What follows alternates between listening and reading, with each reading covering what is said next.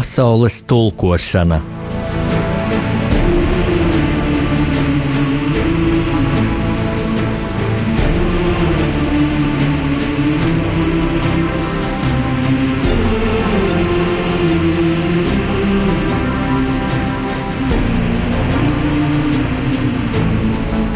Studijā rakstnieks Jānis Udris.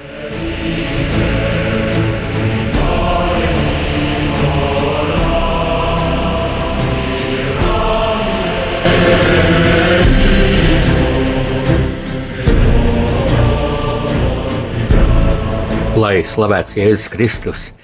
Mīļie klausītāji, šodien atkal rakstnieku pārunu stundas viesis ir ļoti interesants cilvēks, ļoti nu, pazīstams cilvēks Latvijā, un es teiktu arī cilvēks, no kura mēs visi, arī es, gribam dzirdēt atbildes uz ļoti svarīgiem jautājumiem. Tas ir Latvijas Zinātņu akadēmijas prezidents Ojārs Spārīts, akadēmiķis Spārīts. Sveicu, tātad Spārīts kungs mūsu studijā. Labrīt, Udra kungs, labrīt visi klausītāji.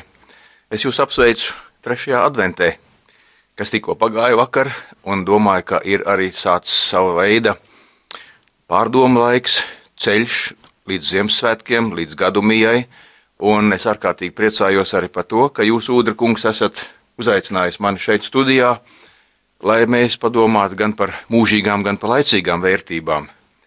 Un e, šajā situācijā, kad jūs pieminējāt manu jā, amatu Latvijas Zinātņu akadēmijā, es gribēju jums savā veidā precizējot, pasakīt, mēs ar jums esam daudz vairāk ieroču biedri un e, garīgi tuvi ļaudis, tāpēc, ka mēs abi pārstāvam humanitāro un sociālo sfēru. Es neesmu ne fiziķis, ne ķīmiķis, ne astrofiziķis, ne kodola magnētiskās rezonanses speciālists, bet domāju, ka mani pētījumi kristīgās kultūras vēsturē, baznīcu mākslas vēsturē, Latvijas eh, viduslaiku un renesanses un reformācijas laika kultūrā ir devuši kādu, kādus augļus Latvijas baznīcas atjaunošanā, restaurācijā, un, protams, cilvēkiem nesusi arī sapratni par šo kultūras sfēru, kura piepilda mūs šajā laicīgajā mūžā, bet ļauj skart gan laicīgo, gan pārlaicīgo. Un zinātne arī ir kaut kas ļoti tuvs un ļoti līdzīgs. Laicīga, bet viņā ļoti bieži zinātnieki izaicina dievu, ļoti bieži zinātnieki riskē ar savu dzīvību, ar savu veselību un mēģina uzminēt neatminētas mīklas. Tas ir ļoti būtiski viss, kas tikko tika pateikts šajā ievadā, un tā, tas man iedrošina atklāt tādu mazu priekšspēli, kas bija pirms mēs nācām ar, ar Spārīt studijā. Nu, kā vienmēr es ar, ar studijas viesu apmēram apmainos domām, e, kādus jautājumus mēs skarsim šajā pārunu stundā, jo stunda, nu, tas nemaz nav daudz, un stunda paiet ļoti ātri, un, protams, ar Zinātņu akadēmijas prezidentu arī mēs ne tuvu visu neizrunāsim, ko gribētos. Es ceru, ka šī mūsu tikšanās pirmā, jā, rādījumā arī Latvijas studijā, bet ne pēdējā. Bet bija tāda epizode, kas man pārsteidz, ka akadēmiķa kungs man saka, cik labi būtu, ja mēs šajā raidījumā varētu atskaņot valsts himnu. Man pirmā reakcija bija, un tā ir pārdomāta reakcija, ka, nu, nē, šī nav tā reize, jo Jo šis ir nu, ikdienas raidījums. Protams, ļoti svarīgs, ir ļoti svarīgi viesi, bet nu, himnai ir uh, īpaši apstākļi, īpaši reizes, kad tā skan. Mm, mm, es redzēju, ka akadēmiķis kungs, domāju, bija tāda atbilde ar gaidījis, ja tas bija tā, mm, kā tāds, uh, nu, tāds spontāni, tāda tā, tā jūta izpausme. Un es, protams, prasīju, un gribu savu jautājumu tad atkārtot, godātais prezidenta kungs. Uh, Kādēļ tāda doma? Kādēļ pēkšņi nu, vienā parastā ikdienas raidījumā, ja es saprotu, ja būtu 1. janvārs, 31. decembris, ja sāktos diena vai kaut kas tāds, ja būtu 18. novembris? Es šai gadījumā teiktu, nē, mūsu saruna tieši tā arī būtu varējusi sākties, taču es arī saprotu to, ka radio raidījumi vai cikliski vai ikdienišķi ziņu raidījumi, ziņas par uh, nākamo dienas temperatūru, un sniegu un lietu, e, noteikti izvirza savas prasības un parādīties tur pēkšņi iekšā blakus jinglam arī Latvijas himnas melodijai un vārdiem šķiet it kā neparasti. Taču es gribēju sacīt arī, ka e, himna tieši tāpat kā tas neparastais kristīgās lūkšanas moments, kas rosina uz meditāciju, man ir svarīgs ar tieši savu pirmo rindiņu. Dievs svētī Latviju. Un lūk, tad, kad mēs varbūt šajās svinīgajās ceremonijās vai valsts svētkos, ko jūs pieminējāt, dziedam vairāk vai mazāk formāli, kā man ir gadījies to pieredzēt, šie vārdi izskan un ir nākamie, bet par otro vārdu, kas seko vārdam Dievs, svētī, ko nozīmē svētīt, par to nepadomājam, vai šiem vārdiem ātri pārslīdam pāri. Un tieši tāpēc man ir svarīgi šodien, kad Latvija arī tuvojoties gadu mijai, piedzīvo visādas turbulentas situācijas ekonomikā, sadzīvē, izglītībā, zinātnē, valsts medicīnas aprūpē, un mēs diskutējam, un mēs laužam šķēpus, un mēs uzdodam sev jautājumus, kāpēc mēs neesam tik labi, cik gribētu būt, kāpēc mēs neesam tik bagāti, cik mēs vēlētos būt, un kāpēc mums neizdodas organizēt dzīvi tik skaisti, tik gludi, tik harmoniski, kā varbūt tas ir izdevies par mums lielākām tautām. Varbūt viņas ir veiksmīgākas, varbūt viņas ir gudrākas, vai mums prāta pietrūkst. Un es tieši tāpēc gribēju teikt, ka mums iespējams biežāk kā mantra, kā lūkšana, ir jāpasaka sev un sabiedrībai, ka Dievs svētī mūsu darbu, svētī mūsu domas un dod svētību tam, kā mūsu valdnieki valda un kā mūsu politiķi mūsu dzīvi kārto un kā mūsu bizness nes Latvijai nodokļu naudu un kā mūsu Latvijas kuģi, ostas, auto, transports, lauksaimnieki, rūpnieki, visi veido Latvijas kopproduktu, no kura ir atkarīga visu mūsu labklājība, drošība, izglītība un arī tas, ko mēs mēdzam teikt, ilgtspējība. Svētību šai dienai, svētību šim raidījumam un svētību visam, ko mēs darām. Jā, es atzīšos, man mazliet cerēja galva no tā, ko es dzirdēju. Lai gan es teikšu, ka es ļoti daudz un ļoti līdzīgi un par šo problēmu kompleksu esmu domājis vienkārši. Nu, Zinātņu akadēmijas prezidents to ļoti precīzi tā noformulēja šo lielo problēmu loku. Un man arī gribētos dzirdēt jūsu, mm, jūsu viedokli mūsu sarunas gaitā, kā jūs to redzat, bet man uzreiz ir tāda doma, nezinu, vai jūs piekritīsiet, ka, ja mēs lūdzam Dievam svētību, ja, tad mums ir milzīga atbildība saņemt šo svētību un attaisnot ar saviem darbiem. Un es esmu svēti pārliecināts, ka tāda svētība, kā mūsu tauta ir saņēmusi, ja otrais pagājušajā gadsimtā atjaunojot neatkarību ar minimāliem upuriem, ar pāris mums ļoti mīļiem cilvēkiem, kas deva savu dzīvību. Uh, nu, varēja līt asins jūra. Tur es gluži fiziski sajūtu, ja Dievs mūs sargā. Uh, kā mēs to tālāk attaisnojām? Vai tā ir attaisnošana, svētības attaisnošana, ja no mūsu zemes cilvēki brauc prom? Un es zinu, tūdaļ arī mūsu klausītāji, tūdaļ rakstīs, uz rādījām arī Latviju, kā lai nebrauc, nav darba, un, tā, un tur būs savu daļu patiesības. Bet vai tu pirms braukšanas septiņreiz nomērījumu pārdomāji? Ja tu brauc viens sapelnīt naudu, lai atdot kredītus, to es varu saprast. Ja? Kādreiz padomu laikā vīri brauca jūrā, zvejas Eh, tāljūras zvejā pa pusgadu bija prom, un brauca mājās ar naudu, un nezināja viņu, kur likt. Tā ir tāda vīru daļa, ja? bet, ja brauc ar visu ģimeni, ja brauc tā kā viena ģimene no Baldonas, ko sabiedriskā televīzija ļoti reklamēja, ka tā tikai vajag, ka viņiem prasīja, kāpēc jūs braucat uz Angliju ar, ar, ar, ar, ar, ar bērniem, eh, tad atbild bija slikti ceļi un slikti ārsti. Pēc gada pagāja gads un rāda, ka viņa Anglijā tiešām labi dzīvo, jo meitenīte spēlē kaut kādā vietējā vietējā bārā bungas un labi pelna un viss ir kārtībā. Vai tā ir svētības no, no, novērtēšana? Vai, piemēram, jūs minējāt ekonomiku? Nu, man, nesot ekonomistam, bet mani stindzina šausmas par šo, šiem amerikāņu sankcijām, kurās iekļauts viens Latvijas cilvēks. Es neminēšu viņu vārdu, lai neteiktu, ka es viņu lobēju pasargdies, pasargdies.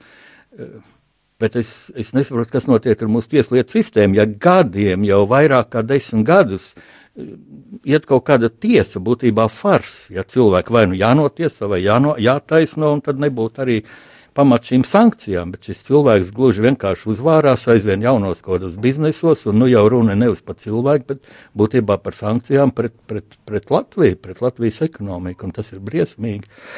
Un, un tad es domāju, vai mēs esam šīs svētības cienīgi?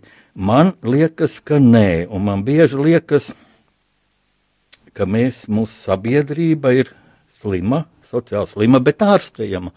Un kur tās zāles? Un man liekas, šeit zinātniekiem, tieši humanitāri zinātņu eh, pārstāvim, nu, vajadzētu dot atbildi, ja tāda ir.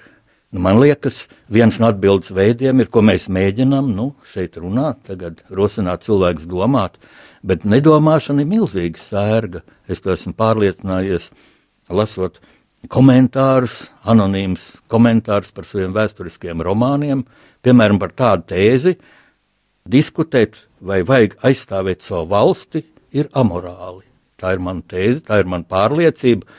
Uh, internetā var atrast veselu folderu ar, ar vaimanām, aizstāvēt, ko ūdens aicina, aizstāvēt šo briesmīgo valsti, kurā ir šķēle un, un, un Lembergs un, un, un Šlesers un kas tur vēl godmans.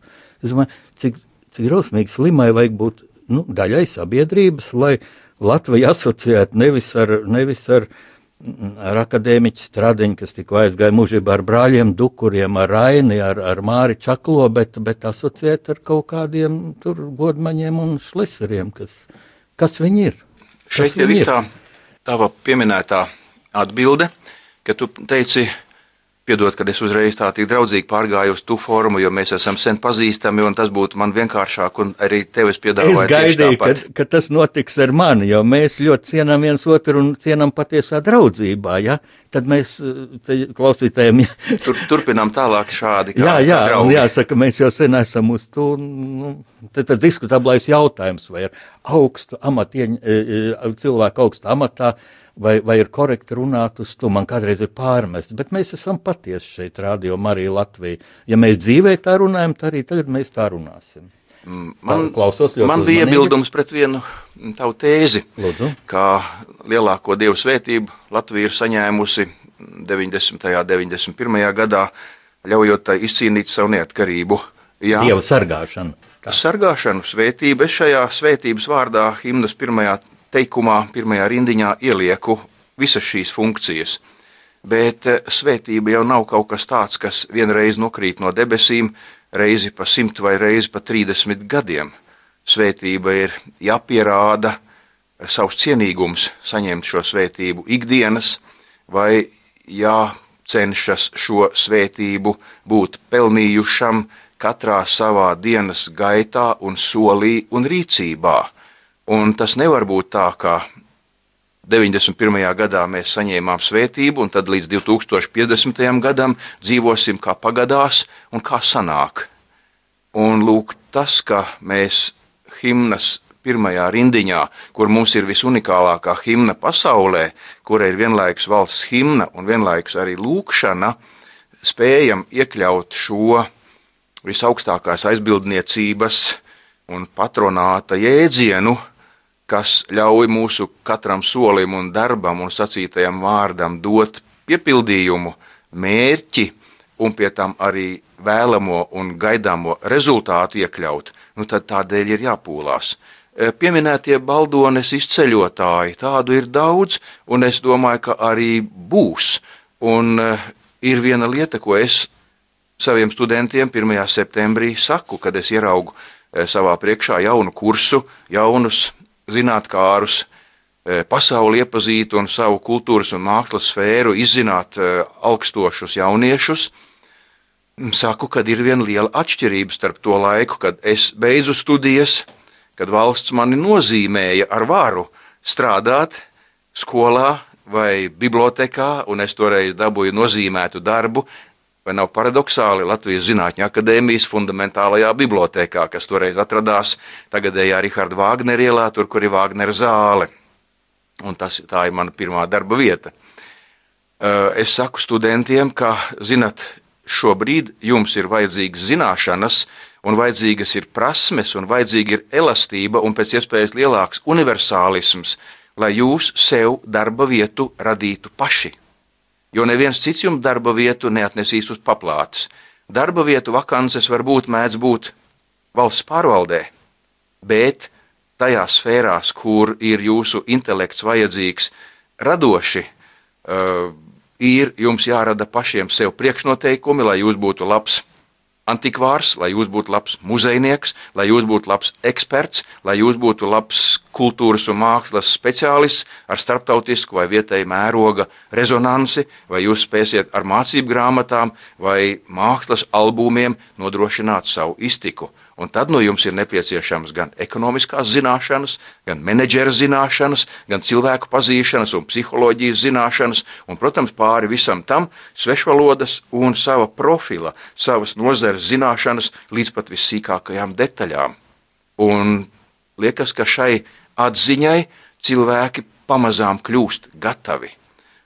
Un, un, un tad, kad jau studenti ir otrajā un trešajā kursā, es ar prieku redzu, cik viņi kļūst mērķtiecīgi, cik viņi meklē sev papildu nodarbības vienā vai otrā vai trešā augstskolā, lai iegūtu vēl to, ko viņi uzskata, ka viņu izvēlētajam darba ceļam, darba mūžam tas būs ārkārtīgi nepieciešams. Jā, tas ir ļoti būtiski, ka tu pievērsies jauniešiem, jo arī mm, pāvests ir aicinājis tieši nu, arī Rādio Mariju Latviju, tā skaitā, un, un katoļu priesteris, un, domāju, tas attiec uz visu kristīgo baznīcu kopumā šis aicinājums tieši pievērsties jaunatnei. Un es arī, nu, vērojot to ainu, kas faktiski nesagatavot cilvēku var nobaidīt, kas paš, tieši pašlaik kaut kā sakrīt Latvijā, ja, ar, ar, ar šīm sankcijām, ko es teicu. Un tad šis arī, nu, bijis ļoti skumjš gads, jo mēs esam daudz ļoti gaišus prātus zaudējuši arī zinātnes jomā, es ja gribētu pieminēt. Kultūras akadēmiju. jomā. Jā, un kultūras jomā brīnišķīgas aktrises un, un, un ļoti talantīgi žurnālisti, kas bija pavisam jauns Mārtiņš Čibilds un, Un, un zinātnīs jomā nu arī jau, jau ļoti cienījams seniorus, jā, akadēmiķi Ivaru Knētu un akadēmijas godu locekli Oskaru Gertu un, un, un, un taču nu pat, ne mūsu zinātnes patriārs Jānis Stradiņš tika izvadīts mūžībā. Un tas rada varbūt tādu skumjas arī šis, nu, e, šis gada nogales laiks, kas ir tumšs, lietains, nu, paldies Dievam, ka šī advents gaisma mums, šis advents bet eh, tā domājot, nu, kur ir šī izēja, gribās to izēju meklēt, nu, man, man tā pirmā doma vienmēr ir par jaunatni, par jauniešiem, lai gan jaunieši, kad es runāju, ja, pašiem jauniešiem prasa, nu, kādi jūs esat. Es nāku šeit uz Rādio Mariju Latviju, ir praktiski jauniešu kolektīvs veidošu raidījumu, un, un tas man dod tādu gaišumu, tā ir motivācija, kāpēc es šeit nāku, brīvprātīgais. Un tāpat manā Lutera baznīcā, Tas ir tas gaišais moments Latvijā, ka mēs kristieši esam vienotie. Es luterāns būdams šeit lūk, kalpoju, mm, kalpoju Latvijai, kalpoju kristīgajai baznīcai, katoļu konfesijas radiostacijā. Domājot par jauniešiem, bet tas tāds faktiski sāpīgs jautājums, kāpēc jauniešu vidū politika, politoloģija kā zinātne ir mazāk populāra kā citas jomas? Nu, man it kā ir atbilde, ja? Tur tas ir pieprasīts profesijas, ja juristi ir pieprasīti firmās un, un, un, un varbūt biznesā vai, vai biznesa marketings un tā tālāk un tā tālāk. Ja saimā sēdētu daudz jaunāki cilvēki, tikko Somijā par premjeri kļuva 34 gadus jauna, nevis veca, bet jauna dāma brīnišķīga sieviete, ļoti gudra, ar brīnišķīgu izglītību, jaunākā premjera pasaulē. Nu, vai tā panacēja varbūt nav, bet tomēr, kad es paskatos, cik daudz ir rutīnas mūsu politiskajā spektrā, atkal un atkal vilšanās pēc vēlēšanām. Gan jā, gan nē. Gribu teikt, jā, mūsu visu šī gadā zaudētie kolēģi, draugi, autoritātes apliecina to, ka Latvijas neatkarīgajai valstī jau pēc 90. un 91. gada turpat 30 gadi pagājuši. Un Latvijas neatkarības atjaunošana bija to ļaužu roku un intelekta nopelns, kuri ir šogad vai ap šo laiku devušies veļu valstībā. Un, ja mēs palūkojamies, kad šie ļaudis bija dzimuši, tad viņu dzimšanas gads bija vai nu īsi pirms otrā pasaules kara, vai tajā periodā, kad Latviju un Austrumu Eiropu spieda PSRS okupācijas zābaks, un šo sabiedrību vislielākajā mērā bija izaudzinājusi Hruščovisma un Brežņevisma ideoloģija. Un tādējādi, ko gan tu, Jāni, gribi sagaidīt, un ko tu vari sagaidīt no 91. gada atjaunotās Latvijas, ja viņu atjaunoja, virzīja, organizēja, likums kārtoja, brīži šķērsām pretrunā loģikai un daudzām citām lietām, pilnīgi kaitīgā virzienā Brežņevisma paudzes ļaudis. Un šodien notiek tas, ka Brežņevisma paudzes ļaudis aiziet. Un, protams, kā priekšplānā iznāk tie bērni, kuri tika ieņemti 980. gadā, vai 1990. gadā, un tā ir jau paudze, kura nenes sevī iepriekšējās paudzes traumas. Bet tas, ka varbūt šai jaunajai paudzei ir kādi citi trūkumi, arī pateikšu šeit, e, Kristīgajā rādio tādu interesantu piemēru. Šajā vasarā Saimas izglītības zinātnes un kultūras komisijā notika sēde, kas bija veltīta jautājumam par e, Rīgas Pētera baznīcas atdošanu e, Latvijas evaņģēliskajai luteriskajai baznīcai, kura bija gatava tajā pašā brīdī, kad viņai atdotu Pētera baznīcu, to pārrakstīt uz atjaunojušās vācu draudzes e, valdījumu, lai vācu draudze, kas Rīgā atjauno 1939. gadā izceļojušo baltvāciešu mantisko administratīvo, reliģisko, tiesisko mantojumu, varētu turpināt šajā dievnamā, jā, pildīt to garīgo lomu, kas vienmēr Rīgas centrā, kā tādā Hanzas pilsētā, kā internacionālā pilsētā, būtu pilnīgi likumīgs. Un lūk, šajā sanāksmē e, vienu jautājumu kurā sēdējām mēs, arhibīskaps Vanaks un, un, un daudzi citi, kā teikt, gan reliģijas lietu, gan, gan garīgo lietu, gan tiesisko lietu zinātāji. Viena no sājumas deputātēm, ļoti skaista jauna meitiņa, 30-gadīga meitiņa, uh, uzdeva jautājumu, kurš izraisīja Otro pasaules karu? Vai tie vācieši, kuriem mēs taisamies atdot atpakaļ Pētera baznīcu? Tas bija šis jautājums, radīja tik lielu šoku par tādu analfabētismu vai par tādu lietu izpratni. Un arhibīskaps Jānis Vanaks attapās pirmais un sacīja, ziniet, tie nebija tie vācieši. Tie vācieši, kas 39. gadā atstāja Pētera baznīcu Latvijai, tie bija Latvijas patrioti, Latvijas dzimušie vācieši un pēctecīgie vācieši, kuri šai baznīcā bija ielikuši gan savus mūžus, gan savu darbu, gan savus līdzekļus. Un lūk, šī mantojuma pēctecība būtu valsts prestiža jautājums un nekādā gadījumā nav saistāms ar Hitlera Staļina politiku, kuras upuri bija šie Baltijas vācieši, kur dabūja 39. gadā pamest Igauniju un Latviju. Nu, lūk, šeit izpaužās, kā teikt, jaunās paaudzes viens uh, trūkums, ka viņai pietrūkst globāla skata, lai gan ir daudz kas vairāk, kas trūka iepriekšējai paaudzei. Tā ir brīnišķīgā tehnoloģija zināšana, tā ir brīnišķīgā spēja orientēties mūsdienu pasaulē, bet varbūt pietrūkst kādas citas pēctecīgas inteliģences, un tad ir jāvaicā par to, kur mūs aizved šodienas izglītības sistēma, izglītības reforma, kura māca mūs prasmēm. Prasmes, skills angliski, un lūk šīs prasmes, kas Jānis tavuprāt tās ir? Vai prasmes ir kaut kas tāds, kas prasa domāšanu, jeb prasmes ir tikai spēja apkalpot robotu, podziņas nospiest, iesaiņot kurpes, ko robots ir izštancējis, vai nomainīt mašīnai vasaras riepas pret ziemas riepām, vai uzklāt viesnīcā tīrus palagus, kad nāk nākošie viesi.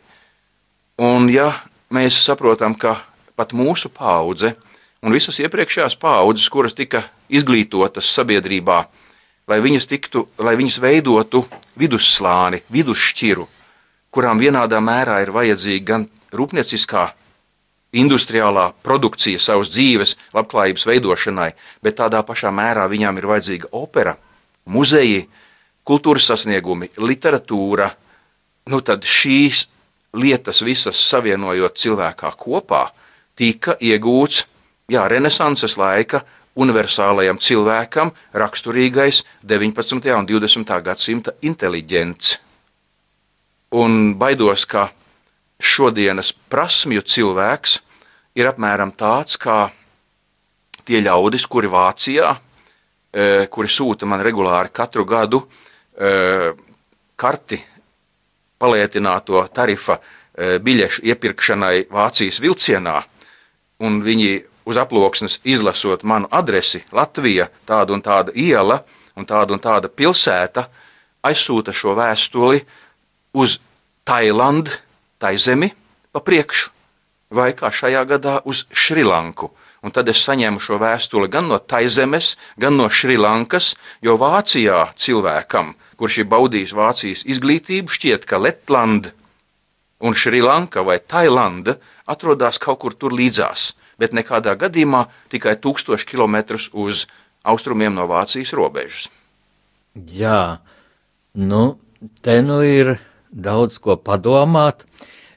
Mana pārliecība, ka labākā domāšana, vislabāk domāšana sokās klausoties labu mūziku, lai skan mūsu pārunu stundas viesa Ojārs Pārīs, Zinātņu akadēmijas prezidenta, izraudzīta dziesma ar interesi gaidu, kura tā būs. Pār mani mēmā debes plešās, un mēmā, mēmā pļavā zijāt. Kāpēc es atkal esmu bešā? Kāpēc man vajag tukšā iet? Kāpēc man vajag iet un meklēt to balsi, kurā pelnos dūm? Klauvēji maldās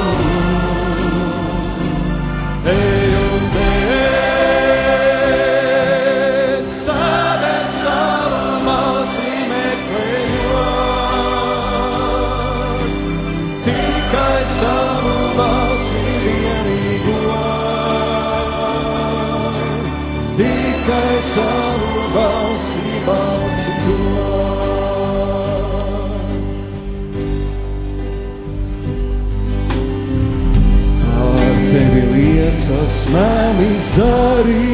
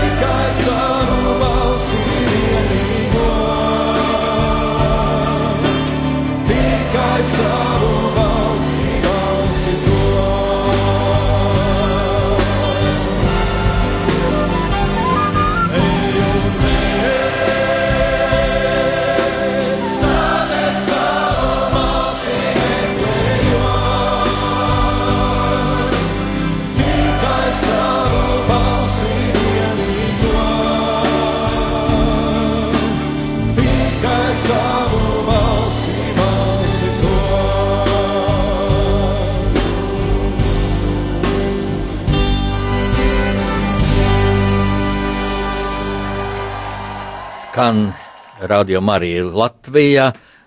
Tā bija un tā ir rakstnieku pārunu stunda pasaules tulkošana, un mūsu studijas viesis ir Latvijas Zinātņu akadēmijas prezidents Ojārs Pārīts, un tikko skanēja mūsu viesa izraudzīta dziesma. Interesanti, Ojār, kādēļ tāda bija tā izvēle?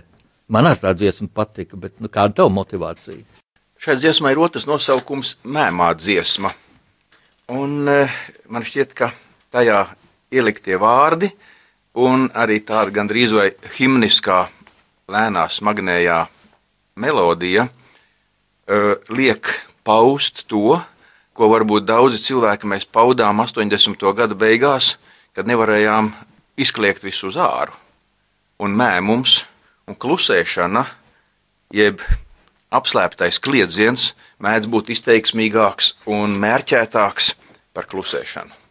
Un tieši tāpēc man šķiet, ka šajā dziesmā ir ļoti liels pretestības gars, un katra pretestība cilvēkā raisa motivāciju, kāpēc viņš kaut kam pretojās vai atrodas par kaut ko simtprocentīgā pārliecībā. Tādējādi šī dziesma izriet no veselā saprāta, no kritiskā saprāta un no kritiskās domāšanas, ko es cenšos arī studentiem mācīt. Nepieņemt katru patiesību par baltu, neatrast pirmo faktu grāmatā vai Wikipēdijā par īsto un vienīgo, bet pārbaudīt vēl citos avotos un tikai tad atmest apšaubāmo un pieņemt vienīgo galīgo slēdzienu.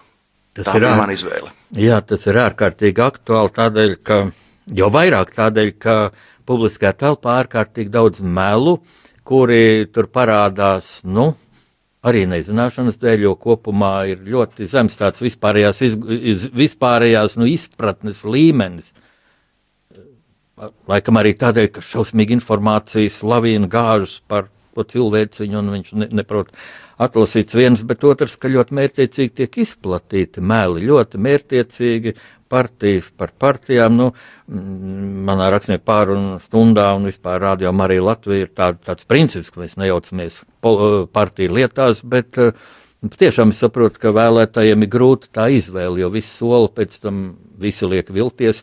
Tie veiksminieki, ja, kas tiek pie varas, viņi pēc tam liek vilties. Un, un es, es mēģinu analizēt situāciju, kāpēc cilvēki balso par tiem pašiem, kuri jau reiz viņam likuši vilties.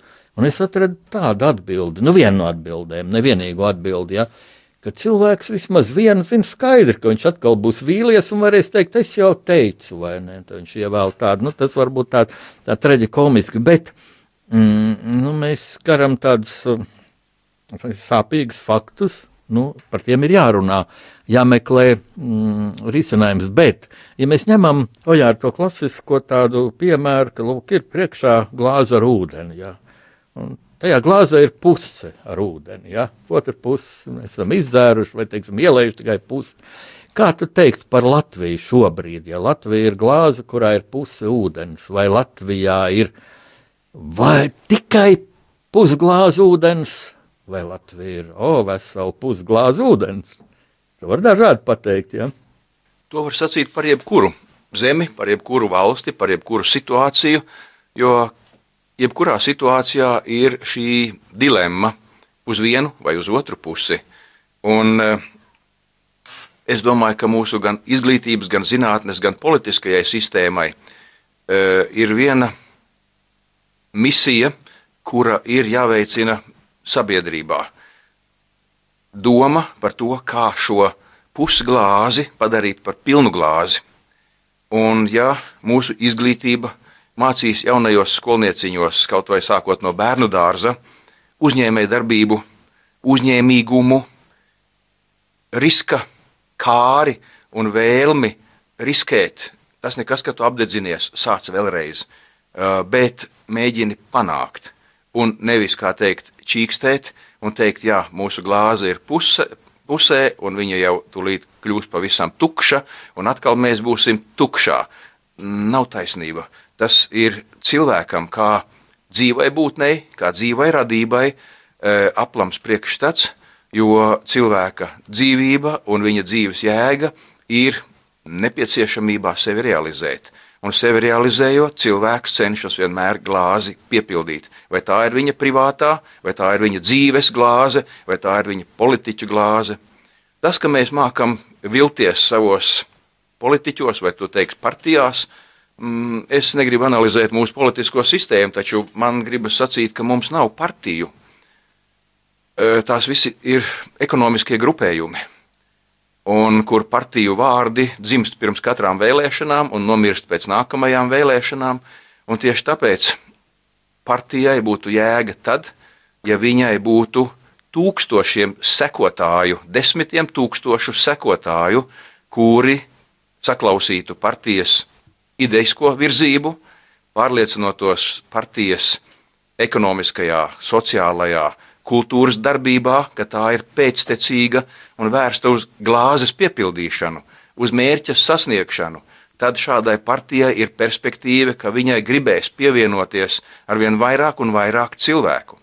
Bet ja partijas pēdiņās, jeb kā saka, es viņus teiktu, ekonomiskie grupējumi noslēdzas savos 200 vai 500 formāli savāktajos parakstos, ar kuru drīkst reģistrēt partiju, Un tad mēs redzam, ka tās ir noslēgtas grupas, kuras nav ieinteresētas, lai viņās ienāktu sabiedrības pārstāvi ar redzīgām acīm, kritisku domāšanu, un kuri uzdotu jautājumu, kāpēc jūsu darbi nesaskan ar jūsu vārdiem. Jā, tu pirmīt minēji ļoti interesants piemērs par jauniešiem, ja tu strādā ar jauniešiem mākslas akadēmijā, ja tas ir mācības spēks, ļoti cienīts un pieredzējis, jo uh, Kā tu domā, vai jaunieši nevarētu būt tie, kas varētu nu, dibināt pat nevarbūt partiju, jo šis vārds jau kaut kur ir Latvijas situācijā devalvēts, bet teiksim, tāda jauniešu kustība ļoti nopietna, nu, varbūt ar līdzīgu entuziasmu kā tautas fronte, un tas bija vēsturisks fenomens, bet tādu jauniešu vienkārši mēs ņemam Latviju savās rokās, izvirzam talantīgākos šīs kustības vadībā, lūk, tādam uh, šos priekšvēlēšanu sarakstus, tie ir mūsu labākie, mēs viņus virzam, bet tiešām, lai būtu tūkstoši, jo Latvijā taču ir tūkstošiem un desmitiem tūkstoši jauniešu. Nomainot sociālistisko režīmu, jeb iekārtu, kurā bija daudz vai vismaz vairākas jauniešus mobilizējošas organizācijas, kuras savā starpā centralizēti tika pārvaldītas, bet arī kooperējās savā starpā un tās apvienoja tūkstošiem jauniešu, ja, viņas vadīja noteikti varas mehānismi, noteikta ideoloģija. Pārkāpjot 91. gada slieksni, mēs esam nonākuši brīvā tirgus sabiedrībā, un brīvais tirgus ikvienu sabiedrību sašķeļ individuos. Un katrs jaunietis ir cīnītājs tikai par sevi, par savu vēderu, par savu algu, par savu vietu sabiedrībā, par savu karjeru. Un arī tad, kad es redzu jauniešu organizācijas, piemēram, kā man labi zināmo Latvijas jauno zinātnieku apvienību, kurā apvieno turpat pāris simtu jauno zinātnieku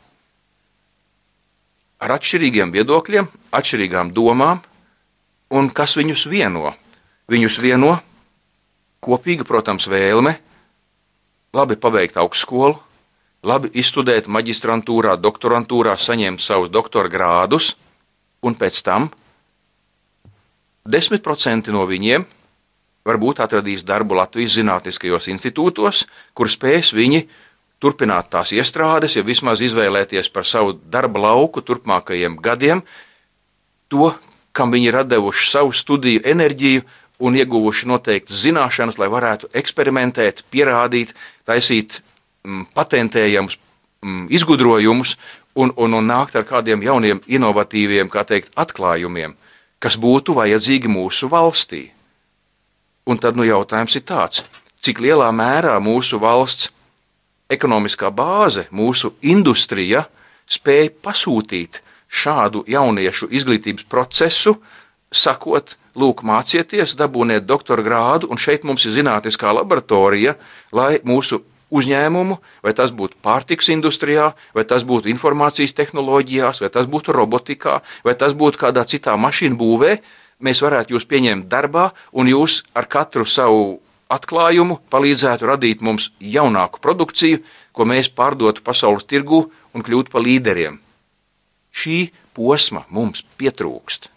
Mums ir jaunieši, kas brīnišķīgi pabeidz augstskolas, izstudē doktorantūrā, un arī tas pats piemērs no ārstu dzīves. Mums katru gadu beidz 250 ārstu, diplomētu jauno ārstu, bet rezidentūrā ir tikai nedaudz pāri pa simts vietām. Nu tad ko darīt pārējiem 150 jaunajiem ārstiem? Viņi kādu laiku pacīnās ātrās palīdzības mašīnās, pacīnās par medmāsām, medbrāļiem vai kaut kā savādāk, pa felčeriem. Un ja viņš pēc gada nevar šo savu rezidentūru saņemt tad, tad jau viņam uz papēžiem min nākamais izlaidums. Tātad, ko viņam izvēlēties, ja ne vienīgi emigrāciju? Un tas, ka mūsu Latvijas, kā teikt, izglītības tirgus uh, strādā uz ārzemēm un palīdz iegūt ārzemēm, kuras jau tā ir turīgas, uh, bez jebkāda līdzekļu ieguldījuma kvalificētu darba spēku, augstu izglītotus cilvēkus. Nu, jā, mēs esam zeme, kurai bez uh, graudiem, piena litriem, dēļiem un baļķiem ir vēl cilvēku resurss.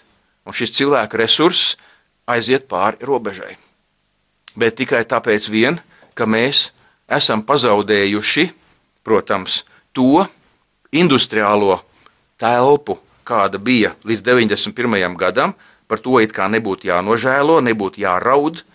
Mēs esam iekļāvušies ar savu intelektu rietumu, zinātniskajā un inženierzinātņu ekosistēmā, šajā telpā. Bet mums šeit uz vietas kad tu pabrauc pa laukiem, ko tu redzi, kilometriem lielus rapšu, vai miežu, vai kviešu, vai, vai, vai citus labības laukus, bet rūpnīcas tu neredzi paceļamies, izņemot vienīgi silosa vai, kā teikt, biogāzes torņus. Un kur ir mūsu industrija, kurai vajadzētu radīt Latvijas valstī tos produktus ar visaugstāko pievienoto vērtību, ko mēdz saukt pēc visiem Briseles dokumentiem par viedo specializāciju, viedi specializēti maizes klaipi. Diez vai tas būs tas, kas Latvijai nopelnīs līdzekļus priekš bruņojuma, priekš izglītības, priekš veselības. Un lūk, šī dilemma ir tā, par kuru es ļoti gribētu, lai mūsu politiķu bloks runātu un atkārtotu arvien biežāk kā mantru, ka lai Dievs svētī viņu pašu gājienus un lēmumus, lai ekonomika tiktu pieaudzēta, bet nevis domātu par to, ka mums ir nākamajam gadam lielākais izdevumu budžets par ieņēmumu budžetu. Tā nav perspektīva domāšana. Jā, tā atkal ļoti dziļa problēma, tu ļoti labi noformulēji, un tā pavisam īsi, ja tādā mm, vienā vārdā es to nosauktu par strateģiskās domāšanas trūkumu mūsu valsts vadītāju darbībā. Es kādreiz dusmās iesaucos, nu, ja tu neredzi, nespēj paskatīties tālāk, nu, paņem virtuvē ķeblīti un uzkāp uz viņu, paskaties tālāk, ja, un man liekas, nu, tas varbūt ir nodrās piemērs, bet ļoti reāls piemērs laikam Igauņi. Nu, protams, Igauniem ir tāda mentalitātes īpašība, viņi par savu valstu zāru saka tikai labo protams, problēmas viņiem daudz vairāk nekā mēs šeit tā redzam, ja publiskajā telpā, bet, bet, bet nu, viņiem ir attīstība redzama. Ja? Un um, latviešiem savukārt, kas tas ir, kurā brīdī šī mentalitāte radās, vai, vai kad kalps gāja ar to cepurīt pie muž, mužnieku durvīm stāvēt, kad, nu, teikt par sevi, par savu tuvāko, par savu valsts tikai to sliktāko, tikai to sliktāko. Bet, ja atgriežamies pie šīs pusglāzes ar ūdeni, ja tieši par zinātni, kā tu teiktu mūsu zinātne, ja? Nu, grūtā situācijā, jā, nav šī strateģiskā valsts attīstība skaidra, politiķi domā tikai par, par, par to, ko par savu izdzīvošanu, par savām algām, par savu, nu, nezinu, par vēlētāju balsīm. Nu, nu, diezgan nožēlojama tā aina ir, bet, bet zinātnieki ir un ir ar pasaules vārdu, jā. Varbūt mēs par daudz, par maz žurnālistu viņus piemin, par maz viņi parāda tautai. Man liekas, tieši zinātnes jomā arī tādi īsti patrioti, ja, kas rāda, lūk, latvieši var.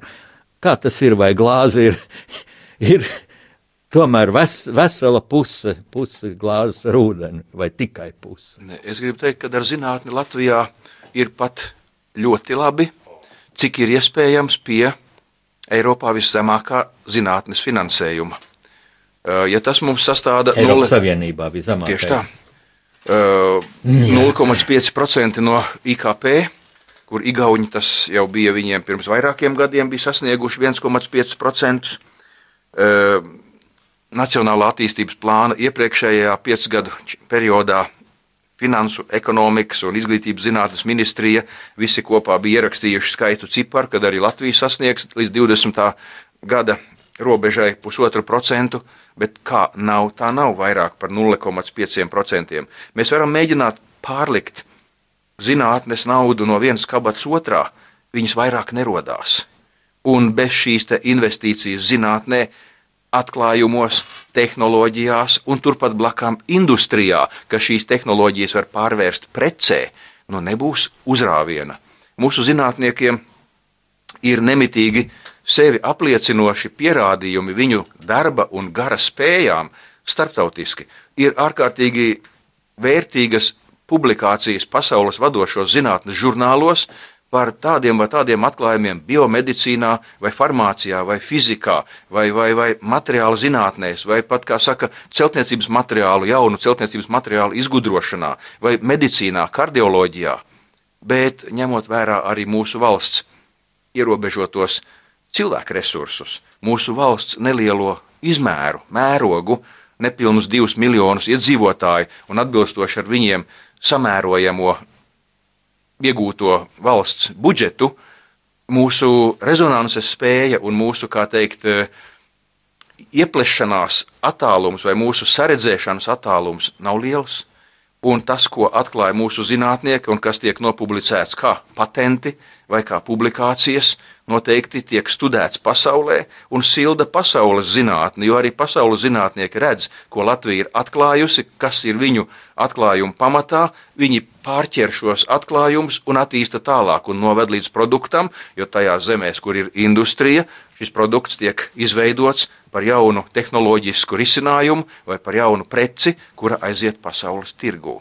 Bet, protams, ka arī Latvijas zinātnieki, jaunie, vidējās paudzes, vecākās paudzes zinātnieki, viņi cenšas būt aktīvi. Un eh, tieši tagad es lūdzu Jāni tev pievērst uzmanību gadu mijā. Latvijas Zinātņu akadēmija izsludinās, kuri ir desmit 2019. gada izcilākie sasniegumi zinātnē. Mēs to izziņosim, jo šobrīd notiek vērtēšana, šobrīd notiek konkurss. Līdz decembra sākumam visi zinātnes institūti un augstskolas iesūtīja savus e, atklājumu aprakstus, un žūrijas komisijas vērtē, kādi tie ir pēc sava naudas ietilpīguma, ko tie varētu atnest valsts ekonomikai, cik tie avangardistiski izskatās savās nozarēs, kuras prasās attīstību. Un tad mēs 6. februārī, uz kuras tev ielūdzu skaistu pasākumu Zinātņu akadēmijā, būsim paldies. E, gatavi apbalvot un teikt paldies šiem zinātniekiem, un tu redzēsi, cik daudz auditorijas priekšā nostāsies tieši jauni zinātnieki, kuri ar savu entuziasmu, ar savu vilkmi, ar savu tādu patriotismu strādāt Latvijas zinātnē, ir spējīgi e, dot Latvijai lielus atklājumus, bet es vēlreiz atkārtošu, mums Latvijā pietrūkst viedas industrijas un investīciju valsts līmeņa mm, ieguldījumu industrijas pabalstīšanai, industrijas attīstīšanai, lai šīs sekmīgās zinātnes nozares un viņās veiktie inovatīvie atklājumi pārvērstos par Latvijas produktu. Jā, ārkārtīgi dziļas problēmas, bet tagad jau parādījās tāda gaisma tuneļa galā, ja tas, ko tu teici, un acīm redzot, jā, tad, tad tā atslēga ir cilvēkos, personībās, spilgtās personībās, individos. Laikam es tagad pateiktu tādu muļķību, jā. tu teiksi, tā ir muļķība, un tev būs taisnība, kad tik gudri cilvēki kā zinātnieki, tik patriotiski cilvēki kā zinātnieki, jā. Nu, ne visi, bet zinātnieku vidū tādi ir. Kāpēc viņi neiet politikā? Nu, laikam tas ir absurds, ka viņam nebūtu laika zinātnē. Jo bija taču brīnišķīgi zinātnieki mūsu pirmajā neatkarīgajā parlamentā, augstākajā padomē, demokrātiski ievēlētā. Es pat nesaukšu tagad, cik tur bija zinātnē akadēmijas locekļi. Ja? Bet nu, viņi pēc tam, kad bija nobalsojuši par neatkarību, viņi aizgāja savās, savā profesijā. Tikpat Pareizi darīja. Ja? Jāni, tikpat nezinātniska, cik nezinātnisks ir tavs jautājums, būs mana atbilde. Lūdzu. Eh, Man šķiet, ka zinātnieka loģiskais, racionālais un trenētais prāts ir daudz par gudru priekšpolitikas, un politika nevienmēr ir loģiska.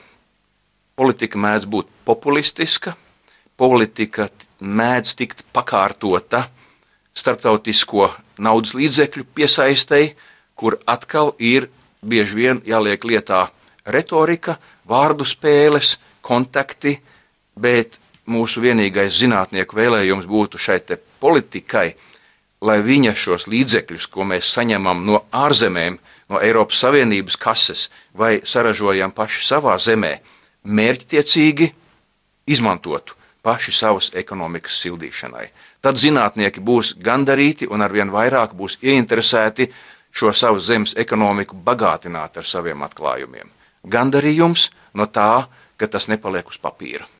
Tas ir par zinātniekiem un ļoti svētīgs tāds vēlējums, bet tagad nu, mums ir pēdējās minūtes mm, mums raidījumā, un šis ir arī beidzamais, beidzamā rakstnieku pārunu stunda šajā 2019. gadā. Nākamā pārunu stunda jau būs jaunajā gadā.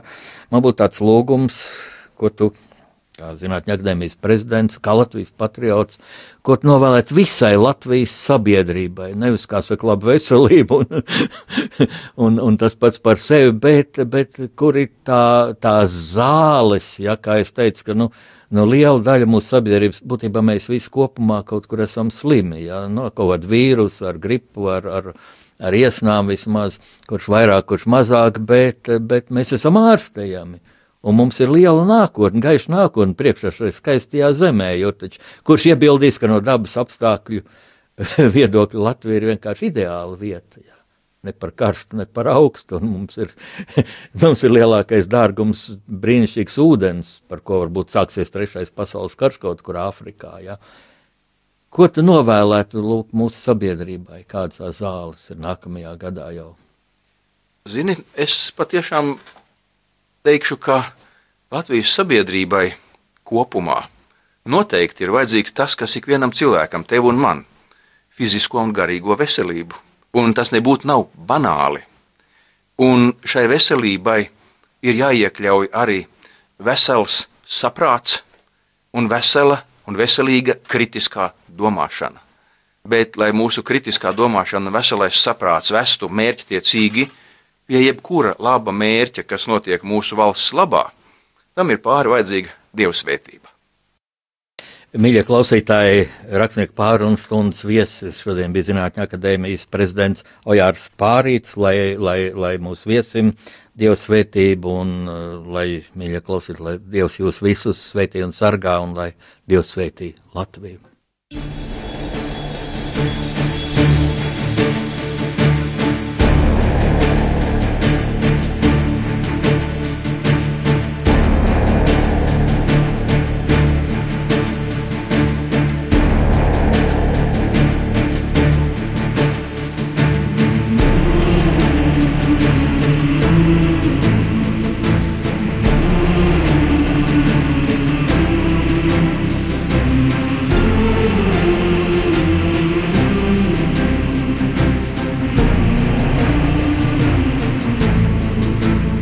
Pasaules tulkošana